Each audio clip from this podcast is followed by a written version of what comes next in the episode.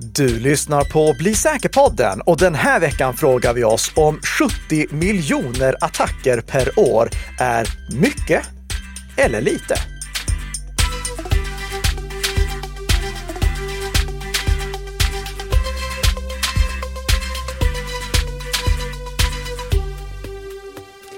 Är ju en hög siffra om ingenting annat. Det är en hög siffra, det är det. Precis som 11 miljoner. Och 11 miljoner, det var alla roligt. Hade du det förut så har du det nu igen då. Och du har nu igen ett nytt avsnitt av Bli säker-podden också. Och ni som inte lyssnade på rally på 90-talet har ingen aning om varför jag sa så. Och ni som lyssnade på rally på 90-talet, ni tyckte att det där var en förbannat rolig inledning. Tror jag. I denna podd eh, som heter Bli säker-podden som är inspelat den 8 februari och släpps den 19 9 Nej. februari. Ja, 9. Där mm. på er poddspelare. Ja, det var tokigt där. Det var tokigt där. Jag, jag är lite ringrostig. Ja, du har varit borta en vecka. Du har varit och åkt bil och sånt. Ja. Men då tackar vi så mycket till eh, eh, Ida Blix som fyllde in förra veckan. Även om det egentligen var tänkt att vi skulle ha en paus nu i februari, men det, det, det gick inte. Vi kunde inte eh, pausa eh, den här Bli säker-podden som gör dig lite säkrare för varje vecka som går. Ja, frågan dock. Vi ska ju prata om jättemycket attacker. Eh, vi har några snabbisar dock. Och jag ska börja med att fråga dig, Karl-Emil Nicka. Har du någonsin blivit attackerad av tandtroll? Jag har blivit attackerad av tandtroll, men jag hade eh, bra motståndsförmåga, så det blev inga hål. Nej. Men jag har blivit attackerad av. Har din tandborste blivit attackerad av ja, någon form av tandtroll eller annat eh, trams? Någon typ av digital attack kanske. Ja. Och det är någonting som vi ska börja med att prata om, för nu får ni hålla i er, kära lyssnare.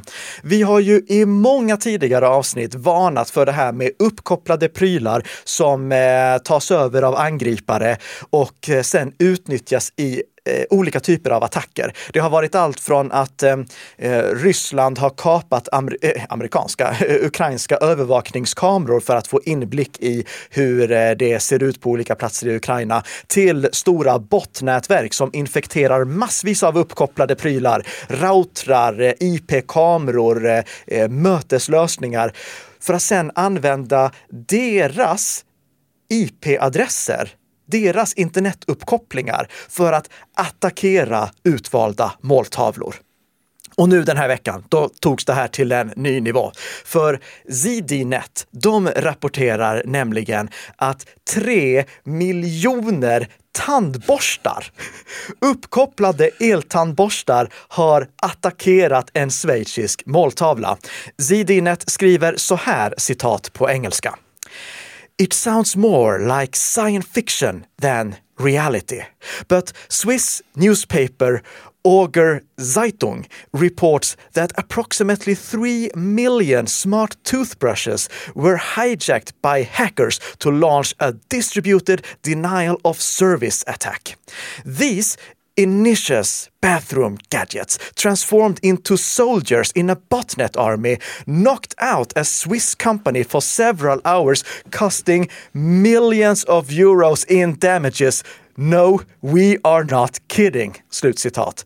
Alltså Ungefär tre miljoner uppkopplade tandborstar blev delar i ett botnät som attackerade ut ett schweiziskt företag för flera timmar och det kostade miljoner av euro i... Eh, eh, kostnaden blev mil miljoner av euro.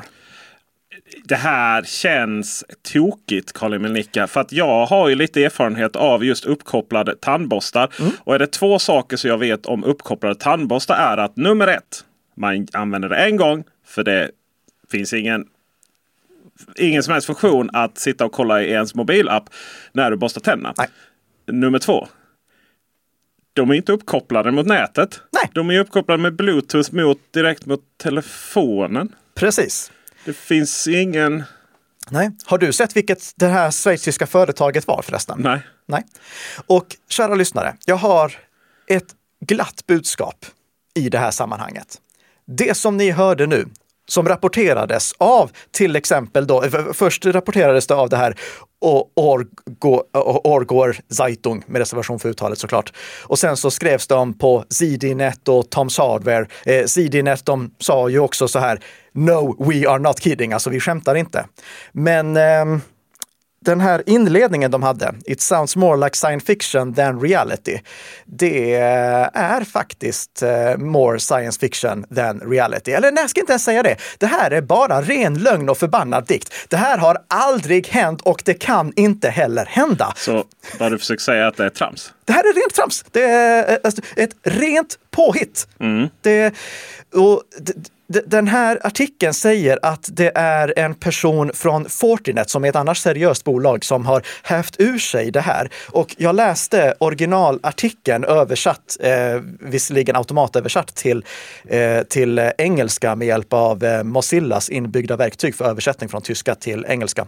Och det står i den här artikeln att det här är en attack som har skett. Men nej, det här har inte hänt. Det kan inte heller hända. För som du säger, en smart eltandborste, den är uppkopplad med Bluetooth till mobilen. Den har ingen direktuppkoppling till internet. Med, jag, jag, jag, jag satt och letade efter, finns det några eltandborstar som faktiskt ja. är wifi-uppkopplade? Ja, det finns ett fåtal, men då är det inte eltandborstarna i sig som är uppkopplade, utan det är basstationen som du laddar eltandborsten på som är uppkopplad. Och de kostar de är jättedyra de tandborstarna. Ja. Det är eh, 3-4 tusen kronor. Så det, och de här man pratar om att det finns massvis mm. eh, med uppkopplade tandborstar. Det är de här billiga eh, från Xiaomi och, och så ja. vidare som, ju, som inte är wifi-uppkopplade. Och frågan är hur mycket kräm det finns i den här basstationen för att göra någonting dumt. Eh, det kan finnas kräm nog för att göra någonting dumt. Eh, det är inte omöjligt, men det har inte hänt och det finns inte tillräckligt många. Alltså jag kan säga som så här. Om det här hade hänt, då hade vi vetat vilket det här företaget var. Och tacknämligt eh, nog, tacknämligt heter det nog på svenska. Det blev snabb, snabb översättning där. Eh, det, eh, så spelar vi in det här på torsdags eh, förmiddagen, alltså den 8 april. För då har faktiskt eh, Toms Hardware hunnit få ett klargörande från Fortinet. Eh, Fortinet säger till Toms Hardware, citat på engelska, To clarify, the topic of toothbrushes being used for DDoS attacks was presented during an interview as an illustration of a given type of attack. And It is not based on research from Fortinet or FortiGuard labs. It appears that due to translation, the narrative of this topic has been stretched to the point where hypothetical and actual scenarios are blurred. Slutcitat. Alltså på grund av översättningsproblem har ett hypotetiskt scenario blivit utdraget till någonting som skulle faktiskt ha hänt. Bara på internet. Mm. Men det, det, är inte slut här. För jag kan säga, det här är inte ens ett hypotetiskt scenario. Det här kan inte hända. För tandborstarna är inte uppkopplade mot internet. När det kommer till att eh, liksom om en tandborste skulle kunna attackera någonting genom en DDoS-attack, då hade den varit tvungen att använda mobilappen som den kommunicerar med för att utföra den här attacken. Och då är det mobilappen, alltså själva mobiltelefonen, som utför attacker.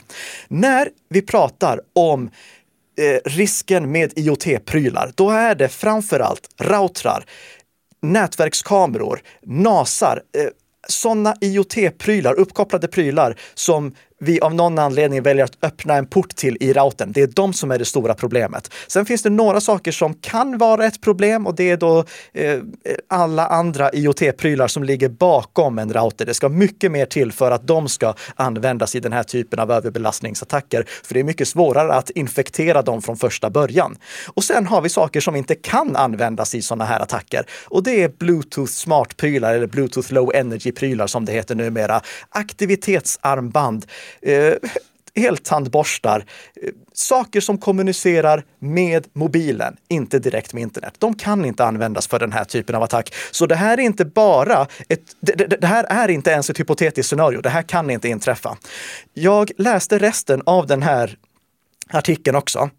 Och där skriver de även, där ger um, den här eh, representanten från Fortinet ett annat exempel också. Och nu är det här automatöversatt från eh, tyska till engelska, kanske till och med schweizertyska till engelska och beskriver ett scenario där någon skickar ett mejl med en bilaga inför ett eh, kommande bröllop. Citat på engelska. However, The mail does not come from the flower shop, but from cyber criminals who have hidden malware in the image. Now, only one employee has to click on the photo and the system is infiltrated. Slutcitat. Alltså, angripare skickar en bild som innehåller ett skadeprogram och en användare klickar på bilden och det får datorn till att bli infekterad. Det där kan inte heller hända. Eh, om vi bortser från de här riktiga specialexemplen med Pegasus och liknande, där det har gått att dra nytta av att få en applikation som körs på mobilen att göra någonting oväntat på grund av att den misstolkar den information som den får. Vilket alltså bara är risker som du behöver oroa dig för om du är högt uppsatt politiker, jobbar inom försvaret, är företagsledare eller liknande. Eh, om vi bortser från det, då kan det här inte heller hända. Så allt det här är bara rent trams. Rent trams. Ja. Vi går vidare från saker som inte kan hända till saker som inte borde hända.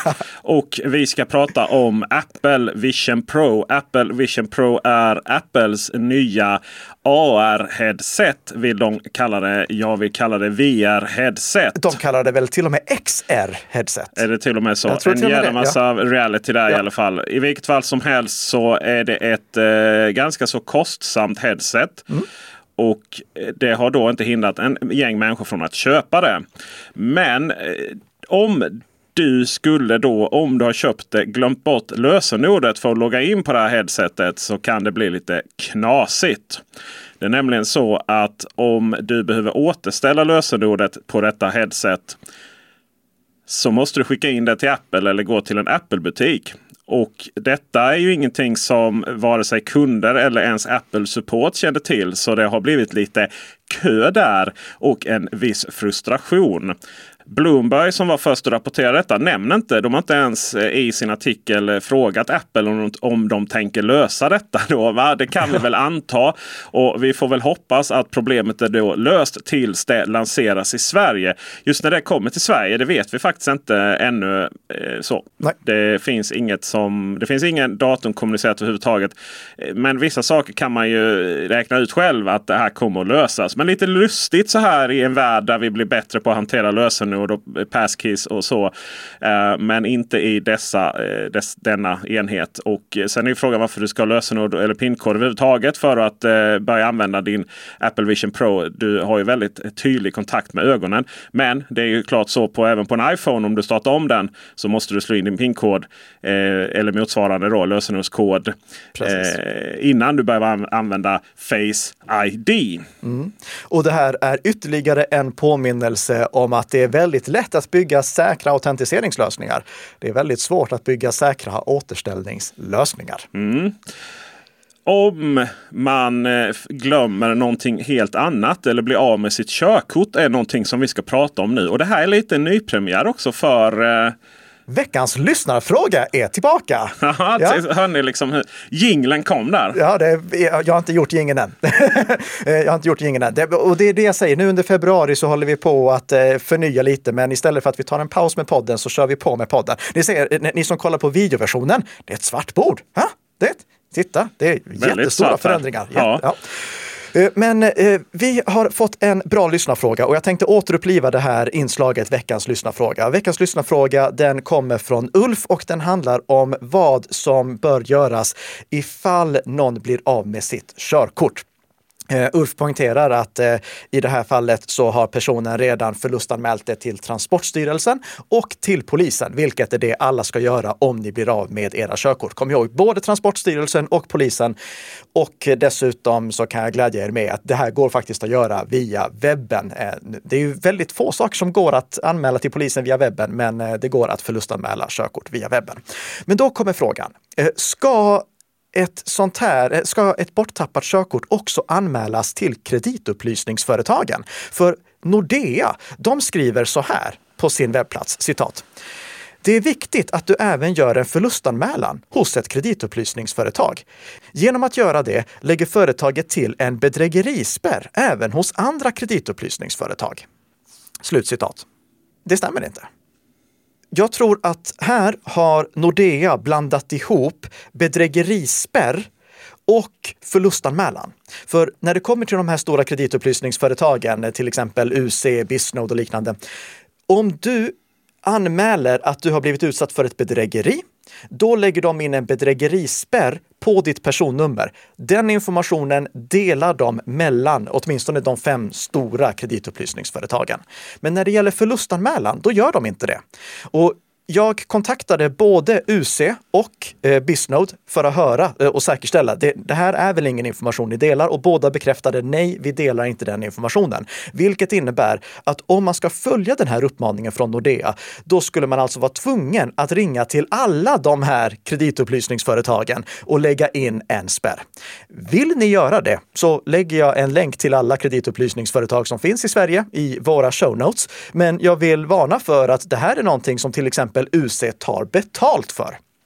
Och jag kan säga personligen, om jag hade blivit av med mitt körkort, då hade jag inte eh, förlustanmält det till kreditupplysningsföretagen. Jag, jag hade givetvis förlustanmält det till Transportstyrelsen och till polisen så att jag har bevis på att det här är någonting jag har blivit av med. Men jag hade inte betalat 95 spänn till UC för att de inte har liksom... Eh, eh, eh, jag, jag, jag, kan säga som så här. Jag kan säga som så här. Ifall kreditupplysningsföretagen skärper sig och börjar dela den här informationen så att det räcker med att jag rapporterar det till ett kreditupplysningsföretag. Då hade jag gjort det. Men jag tänker inte sitta och ringa runt till alla de här kreditupplysningsföretagen bara för att göra det lättare eller minska risken för att något företag tar och säljer någonting till en bedragare som använder mitt körkort. Men jag vill också flika in att jag hade inte haft någonting emot att ta konflikten och bestrida om någon hade utgett sig för att vara mig och köpt någonting med mitt borttappade körkort. Eh, så eh, eh, jag, jag, får säga som så här. Om ni vill förlustanmäla, gör det. Jag lägger de fem största kreditupplysningsföretagen som ni i så fall bör kontakta. Jag hade personligen inte gjort det förrän kreditupplysningsföretagen hade börjat skärpa till sig. Så är det. Vi ska gå vidare till huvudämnet här. Men först ska jag bara räkna. En, två, tre, fyra, fem. Eh, hinner jag räkna till 70 miljoner tror du? Du hinner inte räkna, jag till, 70 räkna miljoner, till 70 miljoner. För vi har bara 35 minuter på oss. Aj då, aj då. Eh, 70 miljoner är en jättehög siffra mm. att försöka räkna upp till. Men frågan är, är 70 miljoner attacker en hög siffra? Mm, det är en fantastiskt bra fråga och innan jag svarar på det, då ska vi ha lite bakgrundsinformation. Vi ska baka tillbaka till i tisdags när Kalmar kommun drabbades av en utpressningsattack. Och det var Akira som var i farten igen. Det, Akira, det var ju de som slog ut eh, Tieto Evry, delar av Tieto Evry, eh, i en helt orelaterad attack attackerade de också Bjuvs kommun och nu har de då också slagit till mot Kalmar kommun. På tisdagsmorgonen klockan 08.30 publicerar Kalmar kommun följande information på sin webbplats som var uppe. Citat. Just nu har delar av Kalmar kommunkoncern problem med nätverket, vilket innebär att vi har begränsad åtkomst till våra system. Vi har säkerställt att trygghetslarm fungerar. Telefonin fungerar som vanligt. Vi undersöker problemet och tar höjd för att detta kan ta ett tag att åtgärda. I nuläget hanteras störningarna som en misstänkt attack. Slutcitat. Några timmar senare, klockan 11.25, publicerar de citat. Vi kan nu bekräfta att Kalmar kommunkoncern är utsatta för en IT-attack. Många av kommunkoncernens system är fortsatt säkra att använda. Arbete pågår för att kartlägga tillgången till våra mest kritiska system." Slutcitat. Kommunikationschefen meddelade också att citat, vi arbetar utifrån att det här kan ta lång tid. Till en början räknar vi med att vara begränsade i vårt arbete åtminstone resten av veckan. Slut citat. P4 Kalmar rapporterade att eh, Kalmar kommun hade gått upp i stabsläge och att de hade stängt ner interna system för att skydda dem. Och du minns när vi pratade om eh, attacken mot Tieto Evry, då sa jag att vi aldrig visste ifall system hade gått ner för att de blev utpressningsattackerade eller i preventivt syfte. Och här får vi då reda på att Kalmar har stängt ner system i preventivt syfte. Eh, P4 Kalmar rapporterar också att det var problem med att komma åt patientjournaler, att inte taggar fungerade överallt och att det var gratis att bada i simhallen eftersom det inte gick att... Så himla ja. bra löst faktiskt. Ja. Eh, sen eh, så eh, meddelade också SVT att eh, 281 av kommunens 384 system fungerar. Och här vill jag passa på att till er som jobbar med det här i Kalmar, om ni lyssnar på det här, ni får en guldstjärna. För det här var fantastiskt bra kommunicerat. Det, det, var klart och tydligt. Eh, vi märker att ni har bra översikt över liksom vad som finns i era system, för det är liksom inga, eh, inga liksom, ja, vi vet inte hur mycket som är drabbat. Jo, 281 av 384 system fungerar. Bra. Det är väldigt klara och tydliga besked. Ni kallade till presskonferens. Ni sa 15.00 blir det presskonferens. Det innebar att jag inte höll på att störa er, för annars hade jag gjort det. Eh, så ni slapp också få samtal från mig eftersom ni sa klockan 15.00 är det presskonferens. Så det här, det var väldigt välkommunicerat. Guldstjärna till er som jobbade med kommunikationen. Nu kommer vi då till det som är det vi ska prata om i veckans huvudämne, nämligen det som sades på presskonferensen. Och det var att Kalmar kommun årligen utsätts för 70 miljoner attacker. Bara i lilla Kalmar? Bara i lilla Kalmar. Mm. Och jag ber om ursäkt för med mitt försök att låta som någon som kom, kommer från Kalmar. Men är det mycket eller inte? För, för, för när jag hörde eh, rapporteringen från eh, presskonferensen och 70 miljoner attacker, då var det direkt, boom, där har vi veckans huvudämne. För vi måste sätta det i kontext. Vad innebär det egentligen? Och vi kan börja med att backa tillbaka till 2019, för att då hade SVT en intervju med FRA. Och då hänvisade SVT tillbaka till ett uttalande från 2017 där FRA sa att de citat upptäckte 10 000 aktiviteter per månad från statliga utländska angripare mot mål i Sverige. Slut citat. FRA sa då 2019 att den siffran idag är högre och SVT undrade hur mycket högre? Då fick vi det här bevingade svaret. Citat. Jag kan inte säga mer än att motsvarande siffra skulle vara högre idag. Men vi har beslutat att inte ge några fler siffror, för då skulle det bli en falsk känsla av exakthet om vi gav någon sorts dagsnotering på antalet angrepp per år. Slut citat. Det där är ju så himla bra svar också. För det hade kunnat vara vi går inte ut med någon exakt siffra och så är man så här byråkrat, mm. Eh, fyrkantig. Ja. Men det svaret eh, är ju så himla klokt. Det är klockrent. Det är ett jättebra svar. Och då måste vi nu fundera, vä vänta här, hur går det här ens ihop? Hur kan liksom FRA prata om 10 000 statsunderstödda attacker mot eh, mål i Sverige varje månad? Och Eh, några år senare så pratar Kalmar om 70 miljoner attacker per år mot bara lilla Kalmar. Eh, även om det då är eh, inte bara utländska statliga angripare det handlar om. Jo, det här kommer sig av att vi inte har en konsekvent definition av vad en attack är. Och en attack, vad som klassas som det, det är så otroligt brett att de här siffrorna, de säger ingenting alls. Nada. Och jag vill förklara varför genom att exemplifiera hur jag själv skulle fundera kring vad en attack är. Och vi kan ta nickasystems.com som exempel, lärplattformen. Någon försöker logga in där med användarnamn admin och lösenord admin.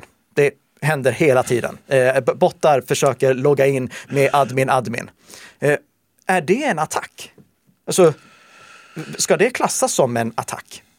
Eller eh, För övrigt, eh, roligt, eh, någon angripare fick häromåret för, för sig att eh, skicka meddelanden till mig genom att skriva obsceniteter i användarnamnsfältet. Så när jag kollade i loggarna så fanns det liksom ett halvt brev till mig med en eh, ja, utskällning. Eh, eh, en halv guldstjärna för kreativiteten i alla fall, att lä lämna budskap på det sättet. Eh, Okej, okay, eh, men nästa exempel. Ehm, om en angripare ansluter till en potentiellt sårbar adress, är det i så fall en attack?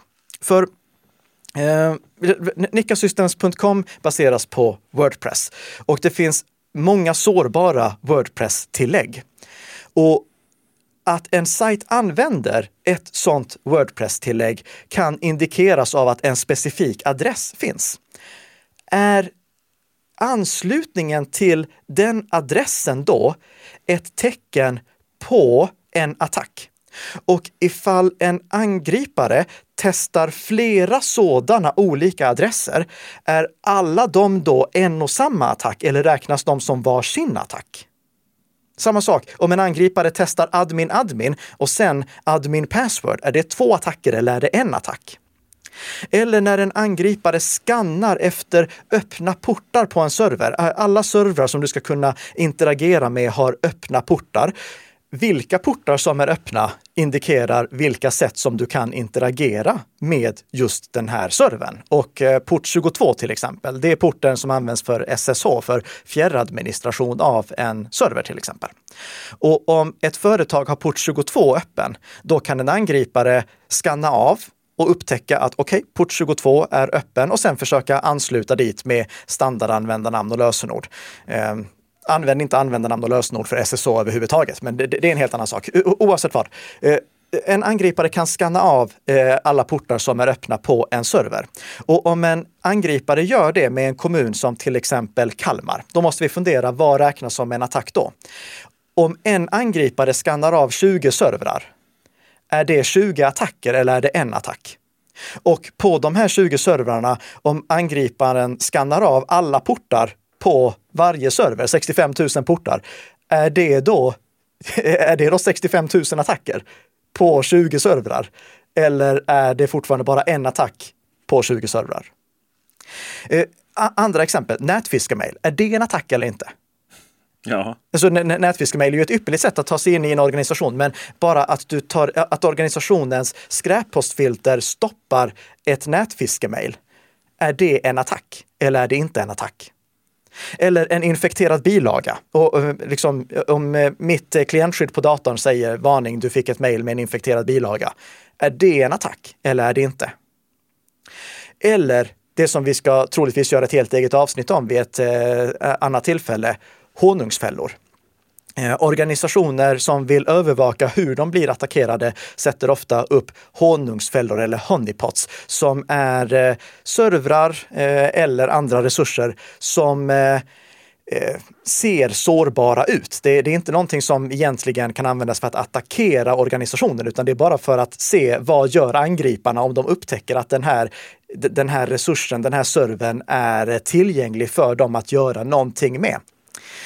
Och vi vet faktiskt, om vi kollar på ett inslag som SVT gjorde i november i fjol, att Kalmar kommun, de har publika honeypots, eh, publika honungsfällor för att eh, se hur angripare skulle försöka attackera kommunen ifall eh, det var så att Eh, Eh, de faktiskt hade en allvarlig eh, läcka någonstans. Eller bara för att se vilka är det som försöker att attackera kommunen?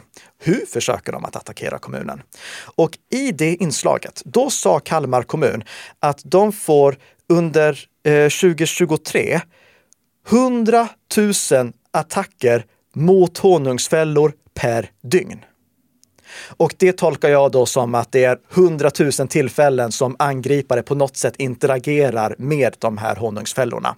Och bara de hundratusen attackerna per dygn blir ju då 36 miljoner attacker per år. Så hälften av de här 70 miljonerna attackerna är då relaterade till de här honungsfällorna. Det här gör att vi egentligen inte har en aning om 70 miljoner är mycket eller lite. Och det här är ingen kritik mot, eh, mot Kalmar för att de kommunicerade. Jag menar bara att media kan inte göra någonting med den siffran. För att den betyder ingenting. Vi vet inte vad 70 miljoner syftar på. Om vi ska kunna göra något med den här siffran, då måste vi dela upp attacker i vad det egentligen är de gör, hur långt, det har, hur, hur långt angriparna har kommit i de här attackerna. I eh, liksom, eh, traditionell etisk hackingutbildning så pratas det om att eh, en attack består av fem steg. Första steget, det är rekognoseringen, eh, spaningen på organisationen som ska attackeras. Bara insamling av information om den. Andra steget, det är skanningen, alltså där någon faktiskt skannar av portarna till exempel, ser vad, vad finns det som är öppet här. Tredje steget, det är själva attacken. Och sen så kommer fjärde steget som är att skaffa sig permanent åtkomst och femte steget som är att rensa upp efter sig och täcka över sina spår. Men där mellan andra och tredje steget, där skulle vi behöva göra e, e, e, en brytpunkt. För att allting som är före tredje steget, det som bara är rekognoseringen och skanningen, det är ju en helt annan typ av Ah, attack. Det, det, det har kommit till ett helt annat till en helt annan punkt än det tredje steget som är den faktiska attacken. Och det här betyder alltså inte att tredje steget är att attacken lyckas. Det betyder bara att tredje steget är mer än bara skanningen, mer än bara se, kan jag ansluta till den här honungsfällan eller till den här riktiga servern? Och så länge som vi inte har något sätt att dela upp attacker i de attacker som bara har kommit till steg 1 eller steg 2 och attacker som har kommit till steg 3, 4 och 5 så kan vi inte göra någonting med de här siffrorna. Vi får bara konstatera att attacker är sånt som vi måste ta hänsyn till. Och vi ska konstatera att Kalmar har gjort någonting väldigt bra, nämligen fått översikt över vilka det är som attackerar dem, vilka system det är som blir attackerade. Och även om vi som läser medier inte har någonting, någon nytta av de här 70 miljonerna, den siffran, så har Kalmar kommun stor nytta av den. För de vet vad som ingår i de här 70 miljonerna och de kan också hålla koll på hur den siffran förändras över tid. Jag säger bara att vi kan inte jämföra 70 miljoner med någon annan annan siffra som kommuniceras i media, för det är att jämföra äpplen och päron. Det var också veckans huvudämne. Det blev ingen snygg övergång där till någonting som händer nästa vecka. Men oavsett vad, nästa vecka så kommer vi tillbaka med ett nytt avsnitt av Bli säker-podden som gör dig lite säkrare för varje vecka som går. Tack så mycket för att du har lyssnat.